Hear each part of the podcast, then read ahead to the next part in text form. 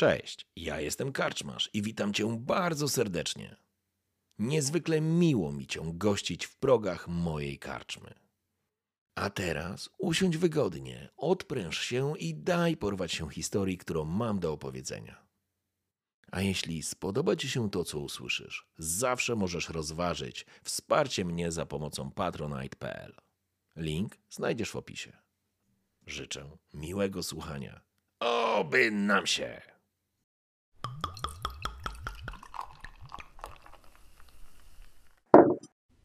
Poprzednich odcinkach spisuję swą historię, aby świat w końcu zrozumiał, jak bardzo się pomylił. Nazywam się Otto Peckendish i byłem akolitą Wereny, choć cały świat uważa mnie za czarnoksiężnika chaosu. Z rodziną najlepiej wychodzi się na obrazach i to z boku, żeby łatwo było się odciąć. Szkoda, że wcześniej nie rozumiałem mądrości tego porzekadła. I kiedy odnalazł mnie mój wuj Jorland, uznałem, że złapałem panią Werenę za stopy i świat stoi przede mną otworem. Nie myliłem się. Stał. Tylko nie takim otworem, jak mi się marzyło. Wpadłem jak śliwka w kompot. Wuj okazał się demonologiem, który wykorzystał głupiego dzieciaka. Tak trafiłem do więzienia i zostałem skazany na śmierć. Wszystko tylko dlatego, że uznano mnie za Jorlanda, który kolejny raz miał oszukać swoje przeznaczenie.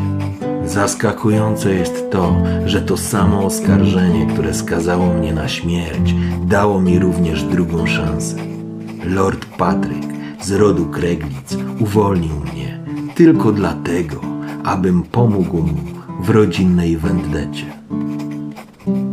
Od tamtej pory Otto Peckendish miał przestać istnieć, a w jego miejsce narodził się Jorland Peckendish, czarnoksiężnik chaosu.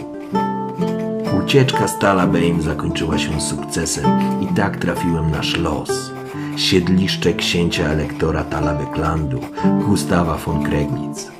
I kiedy zacząłem się przyzwyczajać do tej maskarady, zostałem nieoficjalnie zdemaskowany przez córkę lorda Patryka, Frigillę von Kreglitz.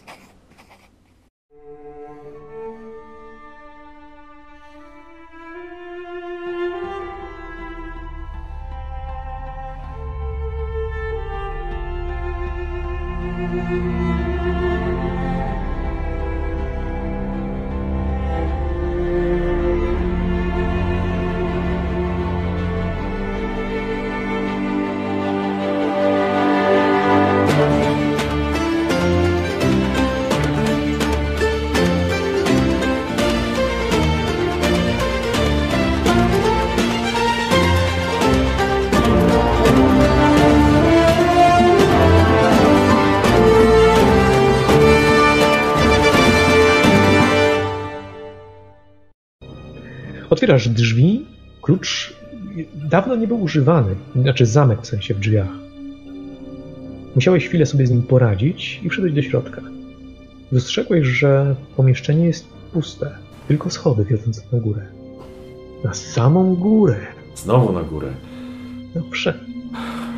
Zanim wejdę, rzucam okiem i jako tada, mój drogi, mam stolarstwo. Sprawdzam, jeżeli to są drewniane schody, to sprawdzam, czy w jakim są stanie. Że są kamienne, to po prostu idę uważając na obluzowane elementy, żeby nie spaść. Kamienie są naturalnie drewniane i spoglądasz oceniając je. Myślę, że y, obejdzie się bez testu. Schody wyglądają solidnie, solidnie, ale krzywo. Mają barierki, także nic się tobie tutaj nie stanie. Dobra, dobra, ale idę ostrożnie. Dobrze. Wspinając się, jeden z ze stopni wydawał się być nadwątlony. Przykro mi. Musisz zapamiętać, że na tym stopniu Aha. lepiej nie stawać. W porządku. E, Wspinasz się na samą górę i widzisz, że jest klapa wiodąca na, no, na najwyższe piętro. No dobrze. Oceniam, czy ciężko będzie mi ją podnieść, czy nie. Próbuję. Myślę, że będziesz musiał z, na pewien wysiłek się Okej. E, zmusić, ale prędzej czy później się uda. Dobra, w porządku. To otwieram oczywiście tą klapę i Mhm. wchodzę do środka. Dobrze. Pchnąłeś ją do góry i wsunąłeś się w otwór. Rozejrzałeś się. Dostrzegłeś, że jest tutaj jedno okno z zamkniętą okiennicą. Jednak bardzo dużo śniegu zostało nasypane do środka. Dookoła, przy ścianach, ustawione są kufry, szafy i beczki. Jedne z drzwi szafy są otwarte i widać, że wewnątrz znajdują się wyblakłe już stroje.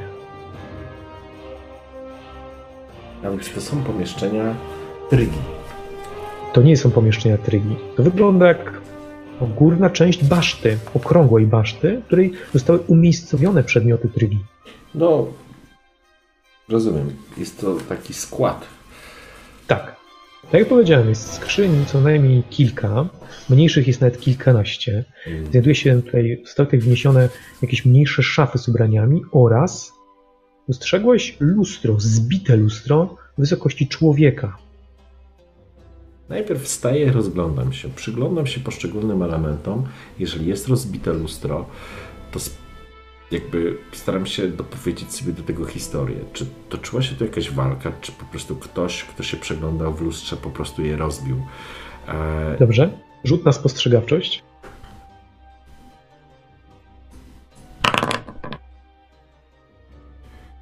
spostrzegawczy Wyszło. z inteligencją jest, nie? To jest int, tak, wyszło, wyszło. A, Jest Więc tak, na kufrach, na szafie, na lustrze widać ślady gniewu.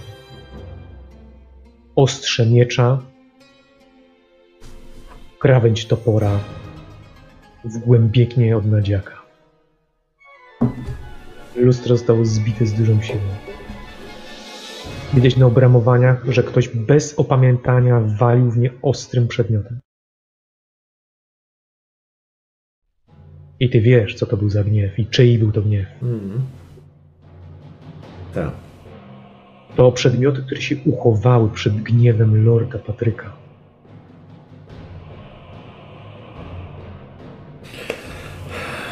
Dobrze. Mm, Zatem zaczynam przeglądać. I myślę, że zacznę od e, najmniej oczywistych e, rzeczy. Czyli najpierw przejrzę ciuchy. Ubrania. Tak, generalnie ubrania, starając się. No cóż, czego szukam? Nie szukam tego, co jest oczywiste, bo do tego dojdę za chwilę, po tym etapie. Moment, moment. Chciałem zwrócić tylko uwagę, że jest tutaj półmrok, a ty nie wziąłeś żadnego oświetlenia. E, No rozumiem, ale Jest jedno okno, które możesz otworzyć. w porządku, ale to, to w takim razie rozglądam się, czy widzę tutaj jakiś, nie wiem, kaganek, czy cokolwiek takiego, wiesz, co może służyć za oświetlenie? Raczej nie. Widzisz jednak, że, że są styliska na pochodnie. No to szukam pochodni w takim razie. Może, Okej, są na, może na wchodzisz do styliska, ale są puste. A może na schodach, jak szedłem do góry, nie było przy ścianach gdzieś przymocowanych? Rzuć, rzuć na przeszukiwanie, zobaczymy, czy się uda sobie znaleźć coś do podpalenia. 45. No nie, niestety nie wyszło. Przeszukiwanie wykonuje się z inteligencją, ale na połowę cechy, ponieważ nie masz tej umiejętności. Więc niestety nie znalazłeś niczego, przeszukując na szybko pomieszczenie. Ojku. Jest tutaj półmrok, nadal możesz pracować, ale no, jedynym źródłem światła jest okno. Baszty. No rozumiem, czyli na schodach też nie było żadnego... No dobra, Nie masz zaklęcia, nie masz kuli, nie wziąłeś świec.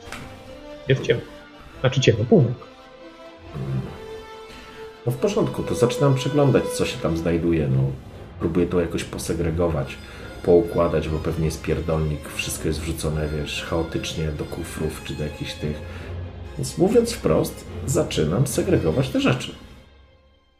Otwierasz okno, żeby zrobiło się trochę jaśniej, okiennicę i ruszasz w stronę szaf. Pierwszej, tak powiedziałeś, chcesz zajrzeć rzeczy mniej oczywiste, czyli ubrania. W samych szafach, gdy otworzyłeś jedną z nich, wyleciało stado moli. Wewnątrz znajdowały się niegdyś piękne, różnokolorowe ubrania i liczne ozdoby. Zacząłeś je przeglądać, segregować i kłaść obok siebie. Szaty naprawdę robiły wrażenie. Rzuć na przeszukiwanie.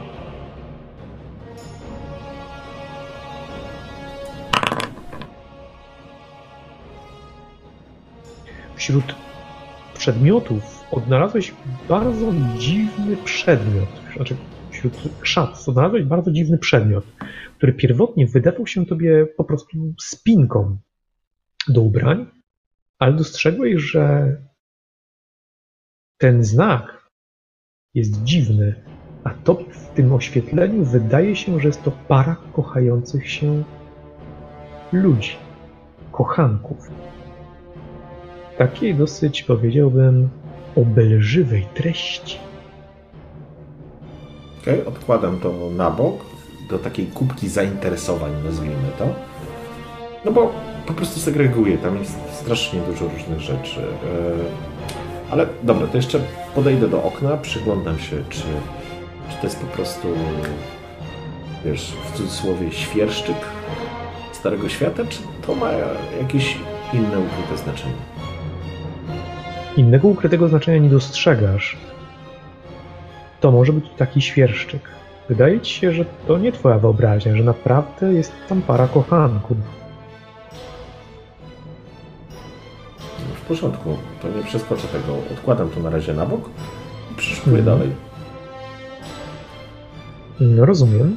Otworzyłeś niewielki sekretarzyk, wyciągając przedmiot, chustki, różnego rodzaju rzeczy osobiste, spinki, ozdoby, różnokolorowe szale. Zauważyłeś, że Tryga była osobą, która uwielbiała różne kolory. Dotarłeś jednakże do czegoś spiętego mm, w takiej skrzyneczce. I zdałeś sobie sprawę, że może być to coś ważnego. Są to spisane listy związane sznureczkiem. Jest ich kilkadziesiąt. W porządku, biorę te listy.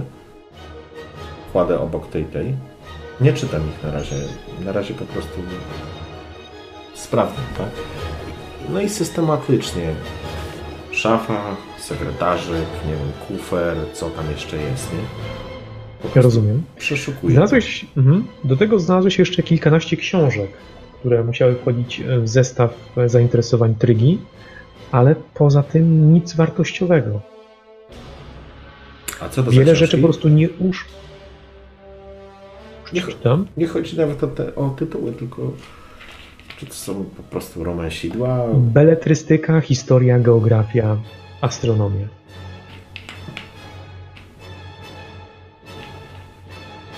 Sięgam po książkę z astronomii. Rozumiem. Szybko ją przekartkuję. Jest to Sekrety Gwiazd pióra Rafaela Julewno. Sprawdzam, czy przeglądam te tych książek jest kilkadziesiąt, powiedziałeś, więc oczywiście no, nie, nie przesprawdzam. Kilkanaście. Kilkanaście. No to biorę tą geografię, biorę tą astronomię, przekartkowuję. Akurat geograficznych jest to cykl, wiesz? Cykl geograficzny, siedem tomów.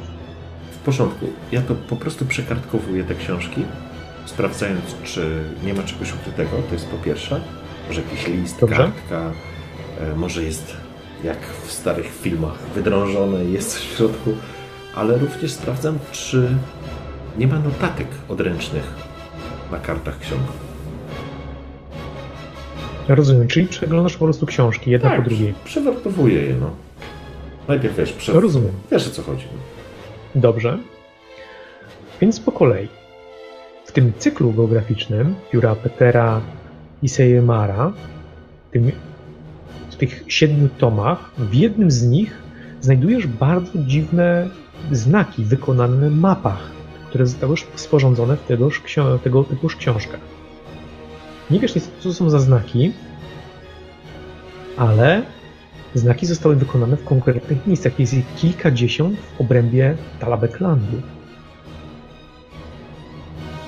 E, sprawdzam kartkę przed, kartkę po tej mapie, czy tam jest treść, z treści wynika, co to są za oznaczenia, czy to są oznaczenia zrobione ręcznie, odręcznie. To są z, z, o, oznaczenia zrobione ręcznie. Cała książka jest drukowana. Poza oczywiście wszytymi mapami. W porządku. Odkładam tę książkę na bok do kubki, yy, wiesz, tam gdzie są listy i gdzie jest ta broszka. Yy, następna książka. Rozumiem. E, Rzuć na spostrzegawczość jeszcze raz. O. Wojny ostenmarckie na tle trzeciego powstania, która Wilhelma Jonga, wydają się być niezwykle ciekawe, dlatego że Tryga poświęciła im spore zainteresowanie, a dokładnie poświęciła zainteresowanie trzeciemu powstaniu ostenmarckiemu, gdyż te strony są niezwykle wytarte. Mhm. Treść jest spisana na kilkunastu stronach tego powstania. Dobra. Gdyż podkreślała pewne fragmenty, zaznaczała, porządku. robiła jakieś przypisy, ale no, żeby je odczytać, trzeba usiąść przy świetle i W porządku. Książkę e, na bok i do następnej, chyba że to już wszystkie książki przewertowałem. Kolejna książka to Brunatny Niedźwiedź, która Frederisza Sztaf. Znajduje się tutaj jeszcze czytanie z chmur e, pióra Leylandona i Kochanek pióra Amandy Leisdorf. Niestety-. Tak, niestety mm, nic w tych książkach nie odnajdujesz. Ani w Brunatnym Niedźwiedziu, ani e, w mm, Sekretach Gwiazd, ani w czytaniu z chmur, ani z Kochanka. Chyba, że wiesz jak szukać. No dobrze, rozumiem, że mm, mapa z oznaczeniami jest w tym cyklu geograficznym. W astronomii nic nie znalazłem i znalazłem jeszcze w tych o tym trzecim powstaniu ostenmarckim. Tak, Jakieś takie wojny ostenmarckie. Mhm. Dobrze, odkładam sobie to na bok. Czyli mam listy, broszkę, te dwie książki i szukam dalej. No, rozumiem.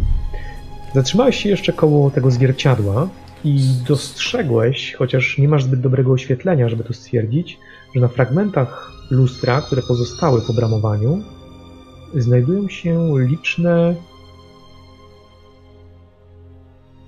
Jak to się nazywa? Liczne pozostałości dotykania palcami Na czym? Na czym? na lustrze, na fragmentach lustra, które zostały, które zostały zbite. No bo masz, masz ten okrąg, tak, powiedzmy Mhm. e, z miniaturytu wykonany. Masz normalne lustro, jak je zbijesz, to nie wszystkie fragmenty tego lustra, że tak powiem, od razu wypadną, trzeba je usuwać ręcznie. Więc wiele z tych fragmentów, które zostały wokół tego mindzirytu, noszą ślady odcisków palców, jeżeli tak mogę to nazwać. No to przyglądam się temu jeszcze. Dodatkowo do tego kurz naleciał, więc to, te odciski zostały zakonserwowane. Dobrze, masz medycynę? Mam leczenie. Masz leczenie, ale to, to nie jest nauka medycyna. Jakąś naukę trzeba by było. Ale ty nie masz ani medycyny, ani jakichś takich rzeczy związanych z człowiekiem. No nie. Nic ci to nie mówi, niestety. Nic więcej z tego nie wyczytasz. Szukam dalej. Przy, kontrolując również upływ czasu, bo nie chciałbym po nocy łazić po grobli. Roger obudził cię z rana. Maksymalnie godzinę po świcie. Ty tutaj spędziłeś w tej chwili dwie i pół godziny, może trzy. Aha. Mniej więcej jest południe, może trochę po południu, więc zostały ci co najmniej dwie godziny światła. okej. Bardzo niewiele, prawda? No zdecydowanie. No, Krótki dzień. no tak. No to korzystam z tego czasu jeszcze, przeglądając. E, Przy okazji też szukam jakiejś torby, w którą mogę zapakować te wszystkie znaleziska. Mm, Więc Myślę, że jakiś worek znajdziesz, tak, tak. worek, torbę, coś takiego, więc na pewno chciałem tam, czy plecak. No dobrze, pozwolę ci rzucić jeszcze jeden test e, przeszukiwania, ale tym razem na jedną czwartą. Aha. No nie. Poświęciłeś kolejne pół godziny, a może nawet 45 minut jesteś pewien, że niczego więcej tutaj nie znajdziesz. Jeżeli tutaj coś jest, to niestety nie jesteś tropicielem, inspektorem, który mógłby. Może Nantek by ci pomógł. Tak, specyficzny gość. Może się zaprzyjaźnimy jeszcze. Dobrze, e, w takim razie, no cóż, zbieram wszystkie swoje znaleziska. Hmm. Czyli mamy listy, książki i broszkę, tak? Tak. Nie czujesz głodu, jesteś w miarę najedzony. Jedna jest ci ciepło, czujesz, że odzyskałeś sporo części sił podczas pobytu w zamku. W porządku.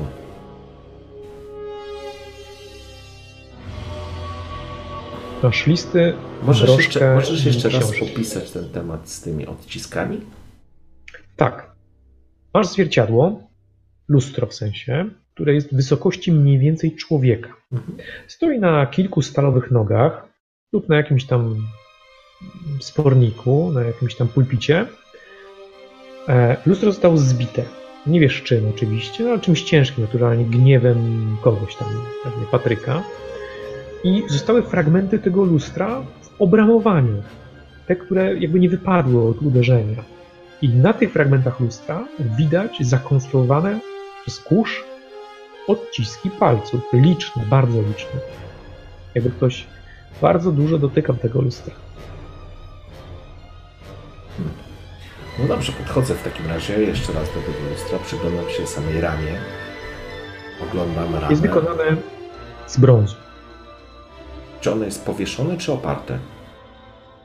Oparte w tej chwili. Czy jestem, Niedbale, że- na boku położone. czy jestem w stanie zajrzeć, odsu- odwrócić je i zajrzeć jakby od drugiej strony na nie? Oczywiście, No to tak ale jest tam ciemno. No nic nie widzisz, jest ciemno. No to targam do okna. nazywać. Słucham? Do A, ciąg targasz do okna, tak? No, to, No to, to bez krzepu. Aha. Test krzepu, no dobrze. No niestety, ciężkie lustro. No, A my lubimy rzucać. No, Nie, jesteś super. pewien, że nie przesuniesz tego. Nie da rady. Musisz tu przyjść ze świecą, ale dotykasz to, tego palcami i wydaje się płaskie z tyłu. Okej. Znaczy, w sensie wypolerowane. No dobra, czy tutaj jeszcze jest coś, co zwraca moją uwagę, czy, czy raczej nie mogę się stąd zawijać? Powiem ci tak. Szaty wyglądają jakby ktoś je tutaj zostawił 10 lat temu. Tak samo jak przedmioty. Wiele z tych przedmiotów nie uszło gniewowi lorda Patryka. Widać, że są przebite, przedziurawione, podpalone. Wyobraź sobie lorda, który wpada w szał. Nie jest to miejsce, w którym możesz odnaleźć zbyt wiele rzeczy. Nawet elementy ułożenia tych przedmiotów w danym miejscu przez właściciela mogą mieć znaczenie. Tutaj one zostały rzucone niedbale do kilku skrzyń, dwóch szaf i beczki. Mm, W porządku. W takim razie zbieram te rzeczy, które udało mi się znaleźć, albo które zwróciły moją uwagę. Mhm. No i wychodzę stąd. Dobrze. Czyli nic więcej tutaj nie chcesz zrobić, żadnych konkretnych rzeczy, tak? No, nic, No nie masz na razie podstaw, rozumiem. Tak, nic nie, jakby nie jestem w stanie odnaleźć, albo na nic zwrócić uwagi, jakby badać tych przedmiotów pod kątem, nie wiem, magicznym. No mam ten talent magiczny, ale to chyba za mało, żeby zacząć czegoś tutaj szukać czegoś Talent takiego. magiczny to jest, mm, krótko mówiąc, zdolność, która daje ci jeden punkt magii. Aha, rozumiem. Jest to naturalna rzecz, czyli teoretycznie jest to bardzo dobra baza do uruchomienia i rzucania zaklęć. Bez profesji magicznej. W porządku, no to, no to nie wymyślę tu nic więcej po prostu. No to muszę się stąd zawijać i przeanalizować te rzeczy, które uzna, zwróciły moją uwagę i może to mi coś podpowie. Rozumiem. Możemy w takim razie przeskoczyć do Twoich komnat? Tak. No dobrze, w takim razie przeskoczmy trochę. Docierasz do swojego pokoju, nie napotykając e, żadnych niebezpieczeństw ani zagrożenia. Raczej jesteś pochłonięty w myślach, rozmyślając nad całą trygą, nad e, różnymi rzeczami. Obiecujesz sobie, że wrócisz tam z oświetleniem, gdyż no, dużo rzeczy na pewno nie zobaczyłeś. Wiele rzeczy mogłoby być poukrywane, a ty po prostu na nie nie zwróciłeś uwagi. No ale zdobyłeś kilka fantów. Docierasz do swojego pokoju. Mijając oczywiście pokój Upslaya, jeżeli chcesz się zatrzymać. E, otwierasz e, drzwi kluczem, które zamknąłeś i pokój wygląda na nieruszony. Albo ktoś wszystko odłożył na swoje miejsce. Cudownie. A... Jest wisiorek szali. W kieszeni mam. Dobrze. Mm, porządku to rozkładam te rzeczy na tym, na biurku. No i co dalej? Idę do tego, idę do Rogera, zamawiam mhm. coś do jedzenia i wino mm, i proszę go o przygotowanie lampy, którą mógłbym wykorzystać do oświetlenia sobie w kolejnej wizycie w wieży. Naturalnie zastałeś go, gdy pisał i oczywiście e, obiecał, że wszystko tobie dostarczy. Okej. Okay. Wracam do pokoju, rozkładam listy. Najpierw zaczynam listy czytać. Zaczynasz studiować listy i dosyć szybko przekonujesz się, że są to listy matki. Trygi adresowane do, e, do, do właśnie e, żony Lorda Patryka. Jej matką była hrabina Ludmiła Wol Appletrum. Trudne nazwisko. Appletrum. Aptra, nie, przepraszam. Alptraum e, z Averlandu. I nie jest to nazwisko, które nie jest tobie nieznane. Innymi słowy, znasz to, tą osobę. Może nie osobiście, ale złam książek. Wiesz, że Ludmiła w czasie, kiedy czytałeś książki, w czasie, kiedy były pisane książki, była panią księżną elektor Averlandu, czyli z głosem elektorskim w razie. Ludmiła von Aptl, Aptltraum. Takie nazwisko. Łamać sobie zęby można. Tak. I to była matka Trygi. Tak, to była matka Trygi, czyli Tryga pochodzi z Averlandu. Tak, znaczy, ta, ta ma korzenie. I chciałbym przytoczyć kilka fragmentów listów, bo z nich e, niewiele wynika, poza tymi kilkoma fragmentami, które na coś mogą się Tobie przydać. To znaczy, nie oskarża swojej e, córki o mm, paktowanie z chaosem. Broń Boże, nie bierze udziału, przynajmniej wynika tego z listów, nie bierze udziału w żadnym spisku, ani nie należy do żadnego e, bezbożnego kultu. Ale poczekaj, to Lecz są listy matki do trygi, czy trygi do matki? Matki do trygi. Okej, okay. Dobra. Nie znajdują się tutaj listy do matki. W porządku. Mhm. Więc przeczytam sobie te kilka fragmentów. Marlene twierdzi, że wszystko jest w należytym porządku, ale ja czuję, mimo braku władzy w nogach, że ta rewolucja źle się dla nas zakończy. Graf Alberich jest jeszcze niedorostkiem, a tylko jego gwardia przyboczna mogłaby położyć kres, e, położyć temu kres. Kiedy dzielni mężowie wrócą z wojny, rozprawią się z tą hołotą. To jest pierwszy fragment. Drugi fragment, który sobie zaznaczyłeś czy przepisałeś, brzmi tak. Parszywe konowały nie potrafią mnie wyleczyć, a przecież mam w sobie jeszcze tyle życia. Tak wiele mogłabym dokonać. Ach, kochana córko, całą wieczność nie widziałam Twojej twarzy. I trzeci fragment, najbardziej enigmatyczny. Twojej siostrze Marlen nakazałam czym prędzej uchodzić. Choć dwór nalegał, nalegał, bym odeszła wraz z nimi, postanowiłam zostać. Gdzie mi po jakichś stodołach się chować? Jestem hrabiną, prawowitą władczynią Averlandu. Nie chcę wyziąć ducha w jakiejś zapomnianej przez Sigmarza, Sigmara pieczarze. Odejdę, patrząc w oczy temu, który przyjdzie mnie dźgnąć. Jestem z tobą myślami, Trygo, bądź dzielna, bo nasi mężowie nie wrócą z tej piekielnej wojny. Mhm. Dobra, czy ja mogę się domyślać, o jakiej wojnie ona mówi? Chodzi Naturalnie. o wojnę z chaosem? Wojnę z chaosem. Prowadzonej przez wojska chaosu prowadzone przez Archaona. Mhm. Okej. Okay. I teraz jakby próbuję odnieść pierwszy list. O... Czyli muszą to być listy jakby w trakcie, w trakcie wojny. Ostatni list został napisany w Averheim jeszcze w czasie trwania wojny, znaczy ostatni list został napisany w czasie trwania jeszcze wojny. W porządku. 12 lat temu. W takim razie... Mm, jeszcze zestawiam ten list pierwszy z tą informacją w książce o powstaniu. Rozumiem. Niestety w książkach nie występuje wzmianka o tym. To dosyć świeża informacja. A pamiętaj, że no, prasa nie podróżuje tak, jak myślisz.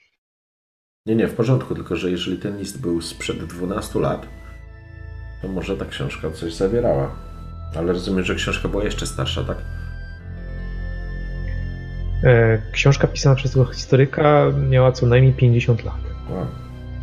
Tyczyła się wojen ostenmarckich, a nie e, wojny awerhańskiej, znaczy Averlandu. To są dwa różne księstwa. No dobrze, ale matka sugeruje w sposób prosty jakąś rebelię albo przewrót, w których oni uczestniczyli albo mogli uczestniczyć.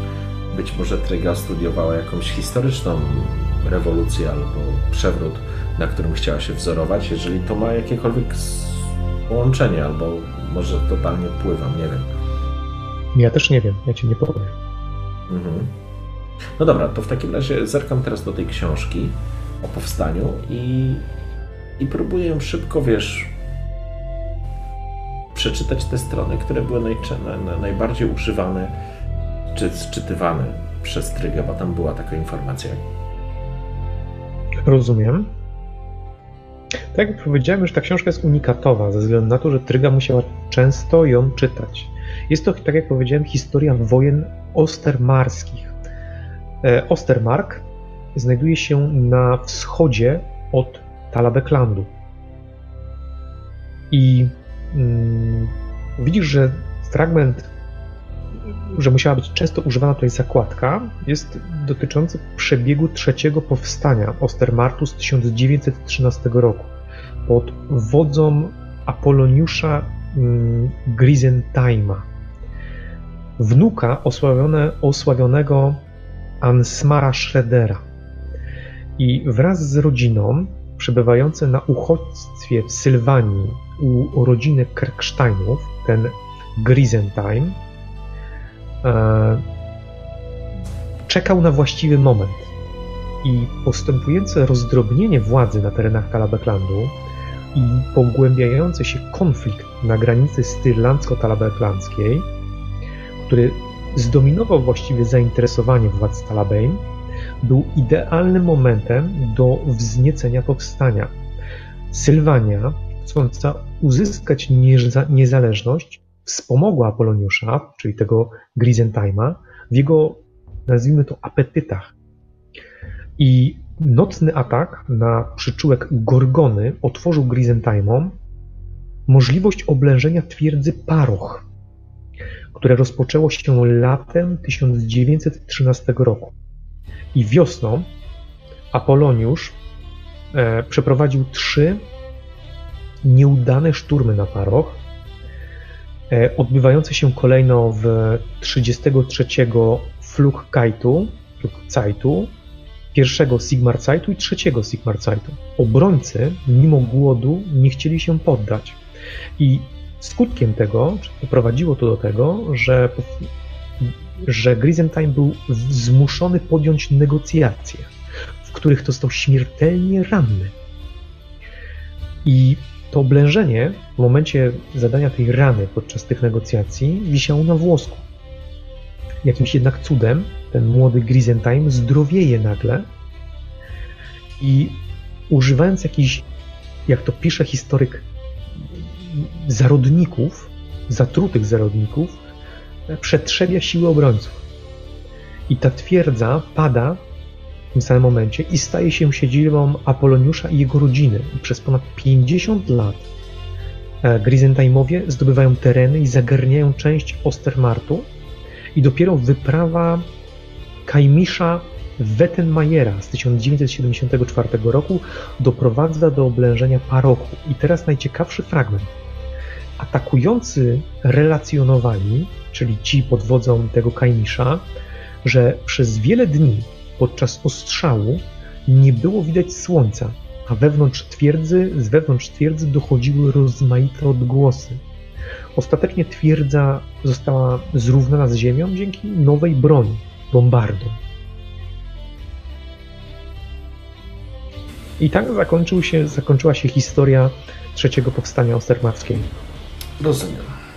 To znaczy, niewiele rozumiem, ale.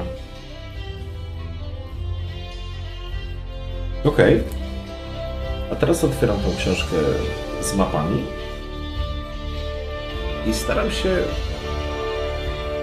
przyjrzeć tym oznaczeniom i zobaczyć, czy jest jakiś element wspólny dla tych wszystkich historii, o których szczątkowe jakieś informacje pozbierałem. Czy być może, Dobrze, Czy być może są tam Rzuć- oznaczenia, wiesz... rzuć na spostrzegawczość.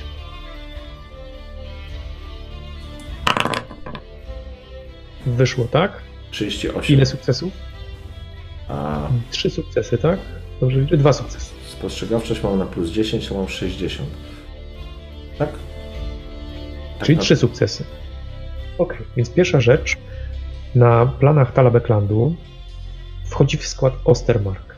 Dlaczego? Dlatego, że Ostermark należał do Talabeklandu. I na tych mapach nadal należy i jest częścią Talabeklandu i rządów Kregliców.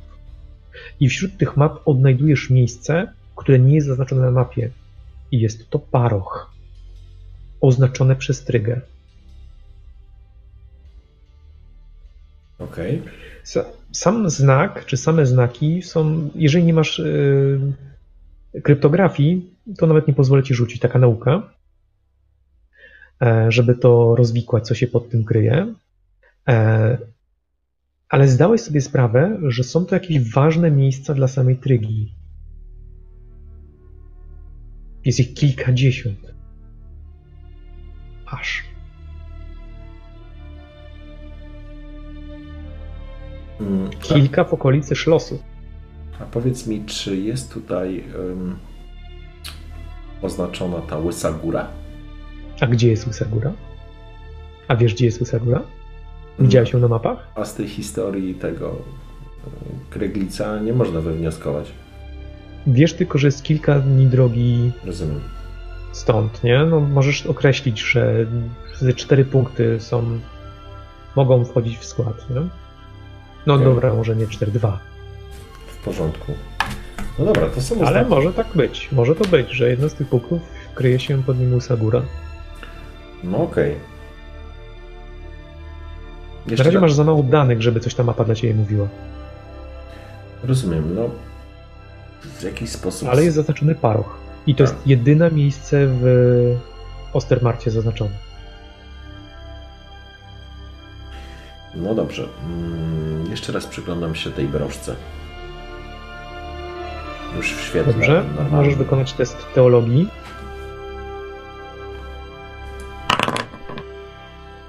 Mam 50, ale mam teologię jako naukę. Umiejętność. To Musiałbyś mieć teologię plus 10. No niestety nic ci nie mówi. Mhm.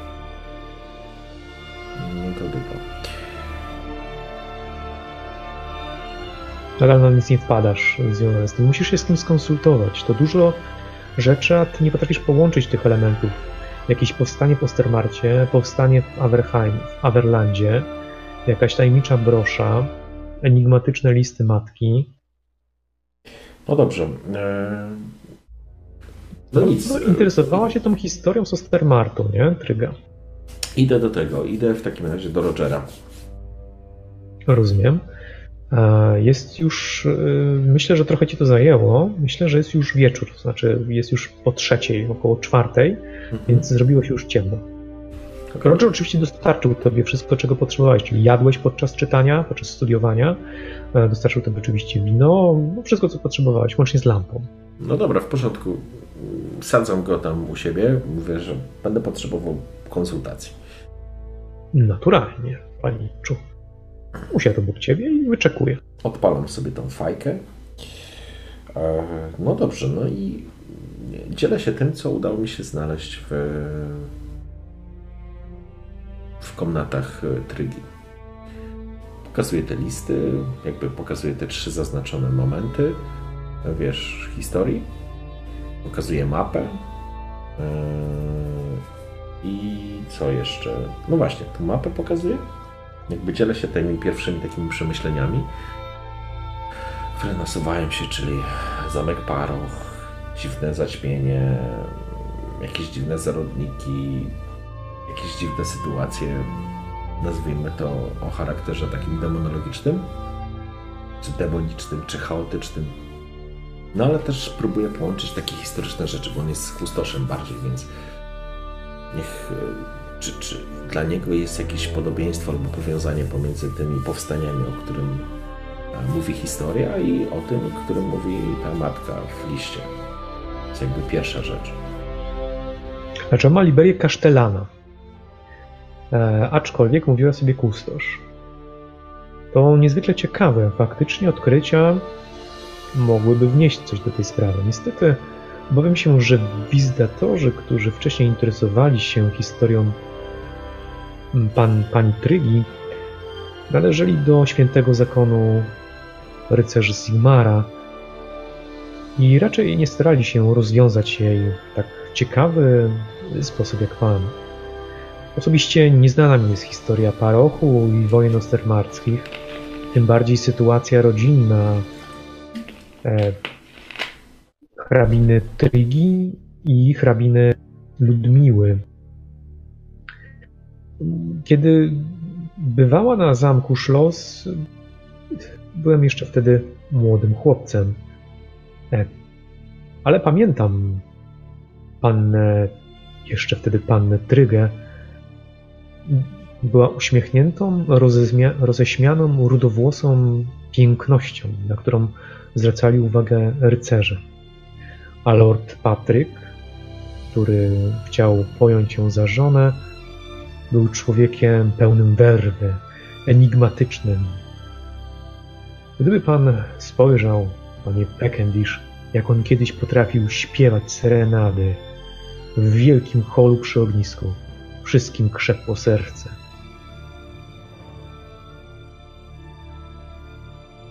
No nic, to niewiele mi pomoże. Sytuacja zmieniła się po wyjeździe Lorda Patryka na wojnę. Razem z bratem udali się na wezwanie imperatora Karla Francja. Prawda, księżna, już księżna Tryga zrobiła się mniej pogodna, bardziej pochmurna i oddawała się refleksją. A gdzie oddawała się refleksją? Jeśli nie oddawała się refleksjom towarzyskim z dworzanami, którzy pozostali na zamku Schloss, a których potem e, Lord Patryk obdarł ze skóry na żywca na dziedzińcu, potrafiła oddawać się w miejscach tajemniczych, jako kalający Schloss Las, ale również e, w parku, no i naturalnie nad fontanną.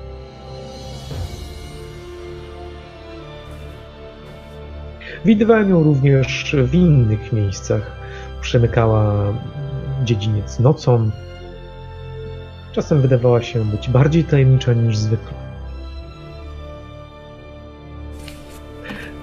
Ale wojny ostermarskie, problemy awerlandzkie niestety nie są mi znane. Nigdy nie zwierzała mi się. Roger, a powiedz mi w takim razie, w którym momencie, czy było jakieś wydarzenie, które zapamiętałeś, albo jakiś moment, czy dzień konkretny, czy może wizyta kogoś, po której e, wystąpiła, czy nastąpiła taka znacząca zmiana w zachowaniu mm, księżnej Trygi? Pamiętam do końca życia będę pamiętać dzień, w którym zapakana Frigilla mając może zaledwie 12 lat, przybiegła do mnie, szukając swojego ojca. Mówiąc, że jej matka oszalała i uprowadziła jej brata.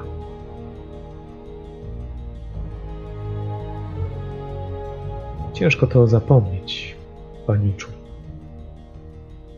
A w końcu Frygilla jest z wyglądu tak podobna do Trygi.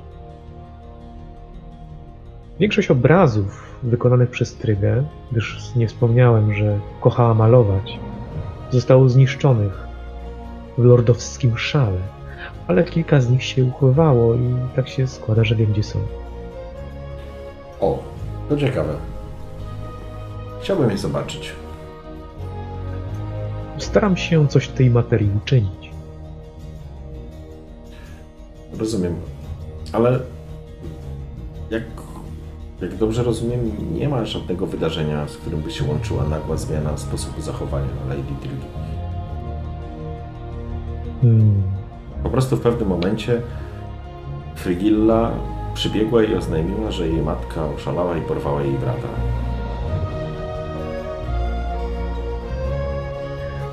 Obawiam się, że nikt z nas nie dostrzegł czegoś, co kryło się w cieniu księżnej Trygi.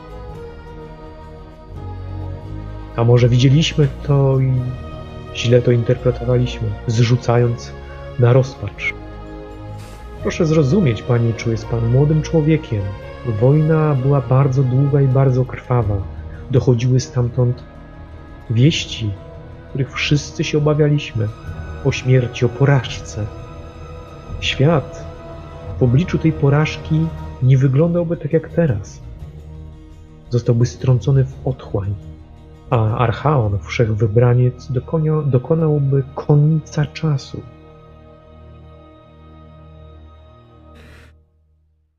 No tak. Na szczęście tak się nie stało.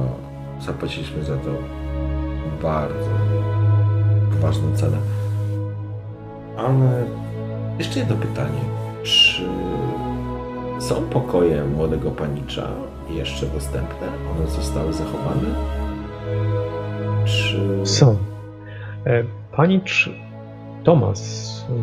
W jego pokojach nic się nie zmieniło od tamtego czasu, ale nie mam do nich dostępu. Klucze, wszystkie klucze zostały odebrane przez Lorda Patryka.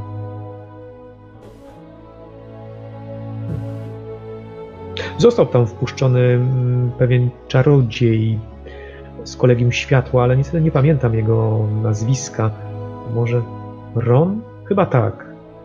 Czarodziej nazwiskiem Ron. I, I jeszcze poszukiwacz, ale ten nie został mi przedstawiony z imienia. Nikt więcej nie wchodził do pokoju panicza Tomasa. Rozumiem. No dobrze. No niewiele mi to pomogło, szczerze mówiąc, ale...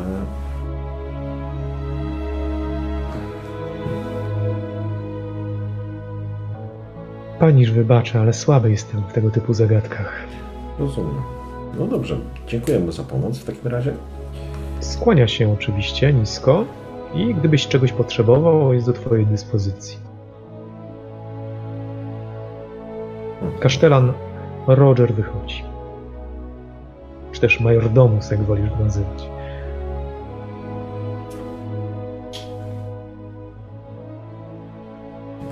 Specjalnie mam teraz pomysł, co zrobić dalej, ale...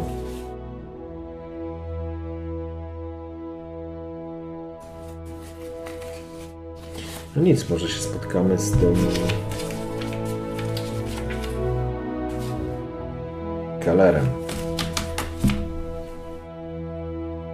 I tak naprawdę nie wiesz, gdzie go szukać, nie wiesz, gdzie są koszary. Na niższych częściach zamku nie byłeś. Swoją podróż zaczynałeś od tak naprawdę Chateau Jelenia, Mhm. kierując się coraz wyżej, w stronę Wysokiego Zamku. Prawdopodobnie koszary i oddziały znajdują się poniżej, chociaż tak jak topografię poznałeś pobieżnie, tylko tak, żeby trafić do, do baszty bez pamięci. No dobra, po nocy nie będę się po tej baszcie, że tak powiem, łaził. Czyżbyś się bał? Tak, zginę na grobie. Nie jesteś więc- śpiący. Nie jesteś śpiący. Nie, chodź, chodź. Ja ci namawiać nie będę. Chodź na, chodź na grobla. Znajdziesz ciekawe rzeczy. No dobra, idę. Biorę ten. Biorę lampę. Biorę mm, linę. Mhm. No i wychodzę, idę tam z powrotem w takim razie. Rozumiem. Kierujesz się w stronę grobli. Znów przemierzasz tą samą drogę, ale tym razem droga przebiegła trochę inaczej. Tym razem, kiedy przechodziłeś koło niedaleko purpurowego stawu, idąc po schodach, widziałeś, że na końcu samych schodów czekał jakiś mężczyzna ubrany w płaszcz i kaptur zarzucony na głowę.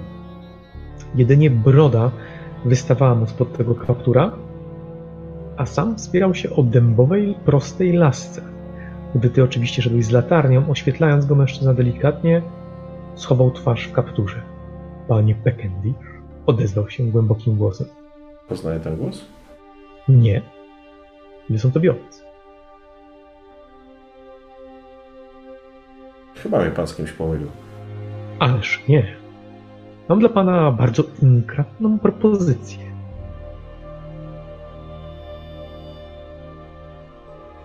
A pan jest? Stoisz na schodach, na środku schodów, a on stoi na, na górze tych schodów. A pan jest kim? A ja jestem człowiekiem, który może pana wzbogacić. Jest pan zainteresowany?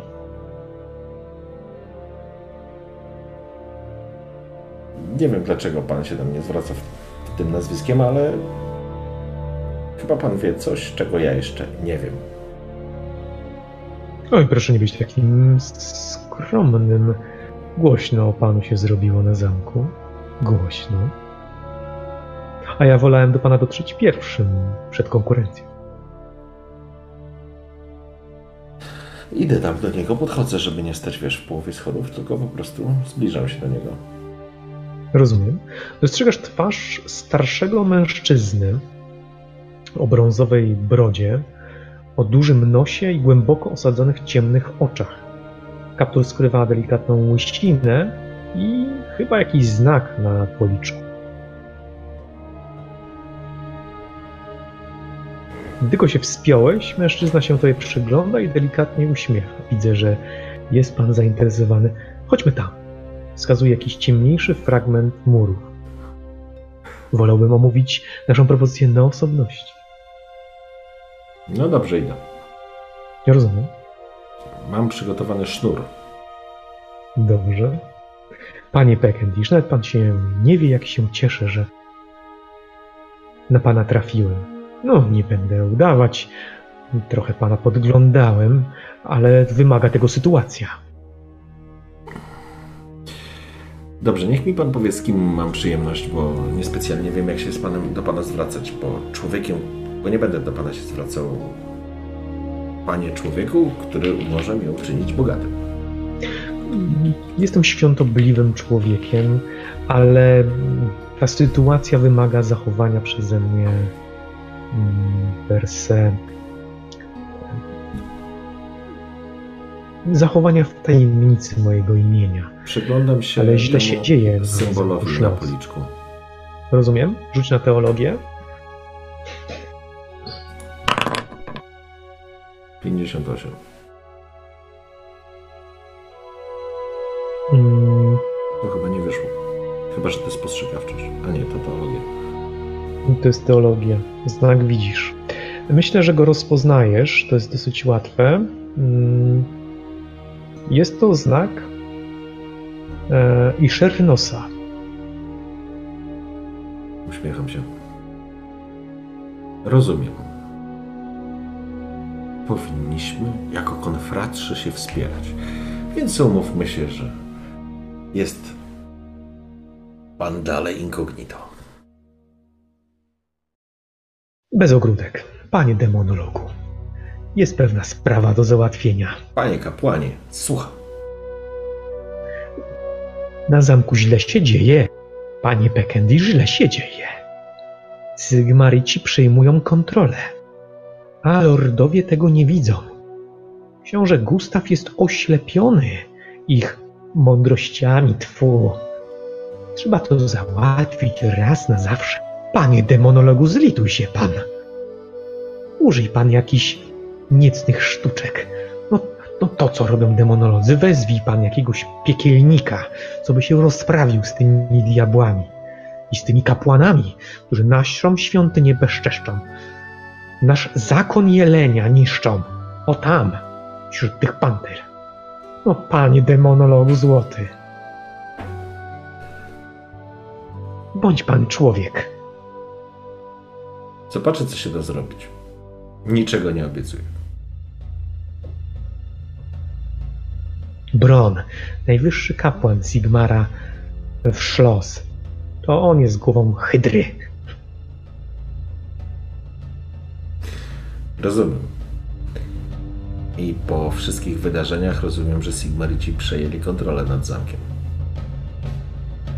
Tuż po tym, co się wydarzyło, hmm, wie pan o czym mówię. Nie bez powodu y, książę Patryk sprowadził pana na szlos. Mam oczy i uszy wszędzie. Ma pan się zająć tą sprawą trygi, nierozwiązaną do tej pory i sprowadzić to dziecko, którego tak poszukuje Lord Patryk.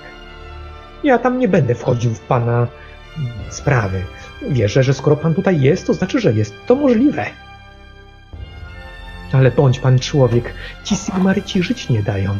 Zostali tutaj tuż po tym, jak przyszedł tutaj ten święty zakon rycerzy Sigmara i zrobił z zamkiem to, co widzi pan. Żywej duszy na nim nie widać. Wszyscy wierni uciekli do lasów, na bagna, na wrzosowiska, na uroczyska. Gdzie im tam? Tutaj jest ich miejsce. O panie demonolog, policzymy się dobrze. Rozumiem, że książę Gustaw nic z tym nie chce zrobić. Jest oślepiony przez Sigmaritów. On jest w złej kondycji. Po tych wydarzeniach na Łysej Górze on nie jest już taki sam. Niektórzy mówią, że to sprawka Sigmara. A wie pan, co się stało Sigmarem za czasów Ottylii, cesarzowej prawowitej naszej? Ścigani byli, tak powinno pozostać. No panie, demonolog kładzie ci rękę na ramieniu. Widzisz, że lina wyskoczyła nagle spod twojego płaszcza, a on cofnął błyskawicznie rękę. Przestraszony. No bądź pan człowiek. Odwołuję Linę oczywiście, żeby nie udusiła dziadygi, bo będzie problem. Rozejrzę się, zobaczę, co da się zrobić. Ale to nie jest takie proste. Tu nie można po prostu przyzwać wielkiego demona, który spustoszy pół zamku. Czyli chce pan powiedzieć, że ci, którzy dokonywali przeszukań pierwszych śledztw w sprawie Trygi, nadal tu są? Tego nie wiem, ale na pewno pozostawili swoich ludzi, w tym i kapłanów i wiernych i rycerzy Pantery. Przecież widział pan, był pan na zamku. Widziałem. Widziałem.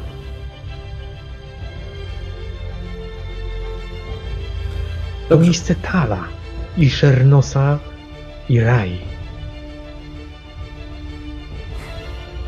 Rozumiem, ale muszę się przyjrzeć tej sprawie najpierw, zanim podejmę jakiekolwiek działania. Będę się za pana modlić, panie Becker.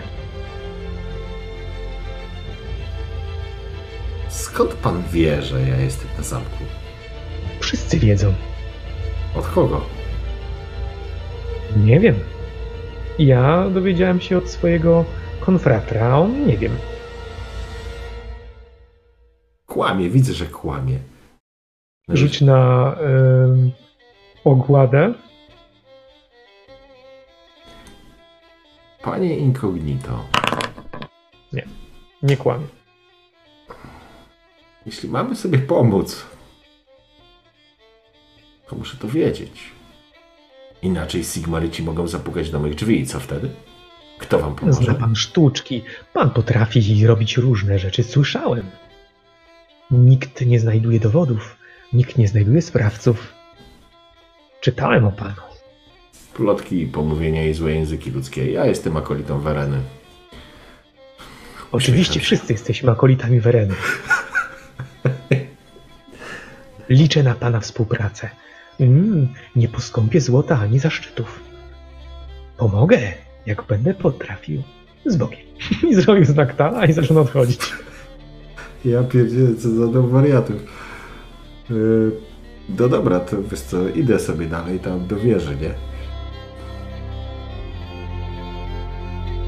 Wieża bez pamięci. Patrzę na sztandary, nie idę, nie tańczę, idę nisko, sztur w pogotowiu. Bez trudu przechodzisz, bo nie ma wiatru. Docierasz do najwyższej wieży i wchodzisz na górę. Z latarnią udaje ci się odnaleźć to, o czym mówił Roger, o czym może nie wiedział. Znalazłeś sztalugę i kilka mniejszych obrazów wykonanych przez Strygę, dokończonych lub nie. Przyglądam się sztaludze i przyglądam się obrazom. I obrazy są dziwne. Można. Masz sztukę, rzemiosło albo. Z rzemiosła mam tylko stolarstwo.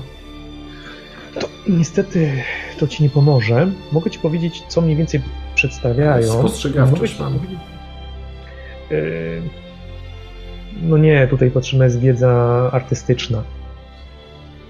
Mogę ci powiedzieć tak. Czuję, styl że w duszy jestem artystą. tak? Styl Trygi się zmieniał. E, widać, że naprawdę ładnie malowała. Nie ładnie. Ona po prostu miała talent. Ale nie zmieniał się e, pod wpływem jakiegoś wydarzenia, które zamieściła na tych obrazach. Pierwsze jej obrazy są rozświetlone, jasne.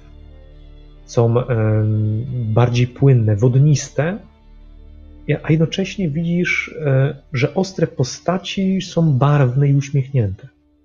Kolejny styl jest ciemniejszy, ale nadal wyrazisty, powiedziałbyś smutny.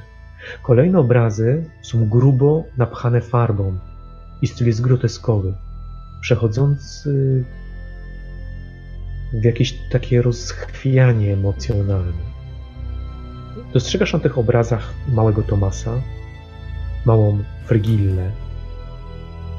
Dostrzegasz na nich pogrążonego w myślach, w zadumie albo w uniesieniu jej męża, Patryka, który wygląda całkowicie inaczej. Jej oczami Patryk był inny. Był ciepły, był życzliwy, był kochający. Nagle poczułeś w sercu, że że Twoja wizja Patryka zaczyna się zmieniać. Jak wiele ta rodzina musiała zapłacić, ale jeden obraz wzbudził w tobie trwogę.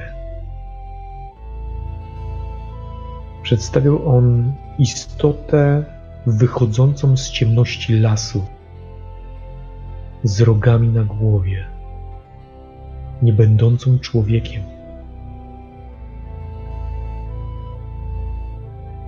Widzisz, że Tryga podpisała ten obraz, nazywając go królem purpury.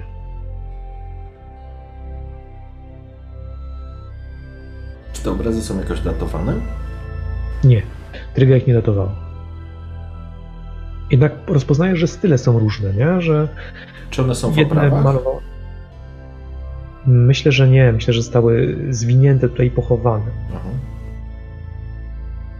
Rozglądasz się tylko i patrzysz na całą rodzinę. Widzisz w nich e, Tomasa i wcale nie wygląda, że, on, żeby ona chciała go zabić. Ale te groteskowe obrazy są, są na początku smutne, a potem powiedziałbyś szalone. Widzisz w nich faktycznie ludzkie ciała, ale nie są to, to nie jest styl klasyczny. Bardziej impresjonizm, e, przypominający raczej Van Gogha, czyli takie jakby niesztampowe y, nakładanie pojedynczych, pojedynczych kresek, które łączą się w jakiś element. Widzisz w nich ciała, ludzkie ciała. Czasem w uniesieniu, w ekstazie, ale przede wszystkim w bólu, w cierpieniu. Nad wszystkim coś króluje, jakiś cień, nazywany królem purpury lub królem w purpurze. czy na drugiej stronie tych no, obrazów znajduje się coś może? Nie. Ale chciałbym, żebyś na sztaluce. Myślę, że też nie. A, że niczego raczej nie dostrzegasz. A, No dobrze, ale po to pozwolę ci wykonać test, y, test spostrzegawczości. Ja mam fantastyczne rzuty. Chyba z góry No mogę zacząć nie, nic zakładać. przy tych obrazach więcej nie zauważyłeś. Tylko tyle, że ten najgrubszy obraz, najcięższy, który, Największą liczbę moc farby ma, tak? który bardzo przypomina takim stylem e, Rembrandta, czyli bardzo dużo farby jest nałożone na niego, taki gruby, aż wychodzi, że palcami możesz go dotykać, czuć wręcz obraz, to właśnie jest ten król w purpurze. No, no, to wiem, ten ostatni. No czy ostatni, no taki najbardziej mm, przerażający. Zwijam ten obraz i zabieram ze sobą. Króla w purpurze. Tak. Dobrze. No i cóż, y, korzystając z tego, że mam światło, sprawdzam, czy coś jeszcze może mi gdzieś umknęło, coś zauważyłem, coś dostrzegłem. Dobrze, Jeśli- pozwolę Ci rzucić jeszcze raz test przeszukiwania na połowę cechy.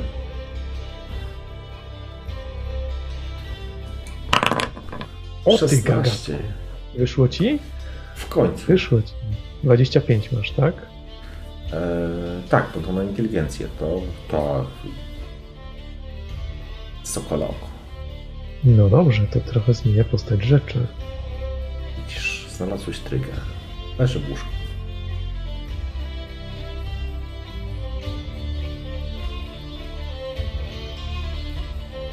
No dobrze. Wśród niedokończonych obrazów, coś co pierwotnie wyglądało jak mm, faktycznie coś, co było przygotowywane pod obraz, tak naprawdę jest jakimś diagramem. I już powoli czytając czy zaglądając do książek magicznych, czujesz, że ma on związek. Niestety nie pozwolę ci rzucić, bo nie masz wiedzy magia, znaczy nauka magia, żeby wiedzieć, co to jest, ale wiesz, że to ma związek magiczny. Coś, co było ukryte w obrazie, po prostu w szkicu, nie obrazie, tylko w szkicu. Zwijam to również i zabieram. Dobrze? Są to takie, wiesz, kilkudziesięciocentymetrowe e, tuby w tej chwili papieru, ryzy. Okej. To jest wszystko, co mi się udało To jest znaleźć? wszystko, tak, Okej. wszystko, co na co natrafiłeś. Z powrotem wracam do pokoju w takim razie. Rozumiem. Tym razem unikasz jakichkolwiek osób. Raczej Poza tak. tym na zamku Szlost nie ma ich zbyt dużo, szczególnie w nocy poza strażnikami. I docierasz już lekko zmęczony. Jest gdzieś koło godziny ósmej, może dziewiątej wieczór. Jedno pytanie, kiedy tutaj pojawiłem się w Szlos, była przysięga. To właśnie pantery przysięgały? Tak. Terenie? W porządku. Mm, Wpadam do siebie do pokoju, zamykam go na klucz, dostawiam pod drzwi krzesło. Rozumiem. Tak, bo tu wszyscy wchodzą jak do siebie, czy zamknięte, czy otwarte. No, wszyscy wiedzą, że jesteś na zamku. Także to jest. A właśnie, to jest dobre. Dobra uwaga. Idę jeszcze do Rogera, pukam. Mm, Rozumiem. Roger naturalnie otwiera tobie drzwi. Jak się domyślasz, e, jeszcze pisał. Mhm. Roger, e, wchodzę do środka, do niego wchodzę. Tak, paniczu. Coś się stało? Założeniem mojego pobytu na zamku Schloss było to, że jest to tajemnica. A i owszem. Natomiast mam wrażenie, że wszyscy doskonale wiedzą, że jestem na tym zamku. To ciekawe.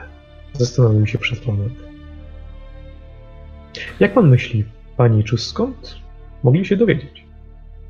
Nie mam zielonego pojęcia, skąd się mogli dowiedzieć, ale sam fakt, że wczorajszego wieczoru bez żadnego problemu, jakby prosto z drogi odwiedziła mnie Fringilla, Nie wspomina pan o tym. Tak, bo to było dosyć zaskakujące faktycznie. Pan Giselbrecht również, że tak powiem, przerwał naszą dyskusję. E, I a teraz spotkałem dziwnego człowieka na blankach, który opowiadał mi, że wszyscy wiedzą, że ja jestem na zamku. I trochę mnie to zaczyna niepokoić, bo, bo tak Na zamku roznoszą się dosyć szybko plotki, więc jeżeli faktycznie ktoś taką rozpuścił, to nie dziwię się, że wędruje ona z prędkością strzały. Co do mm, panienki Frigidi, to dosyć łatwo to wyjaśnić. Była u mnie wieczorem, kiedy pan przybył. No, no i rozmawialiśmy dosyć długo. Wie pan, jaka księżna potrafi być, księżniczka potrafi być urocza. No i chciała zamienić z panem e, słówko. Obiecała, że nie zajmie to zbyt długo. Powiedziała, że jej ojciec, Lord Patryk, prosił ją o to. Rozumiem. Nie mogę odmówić. Ona jest wspaniała. Tak, trudno jej odmówić czegokolwiek. Dobrze.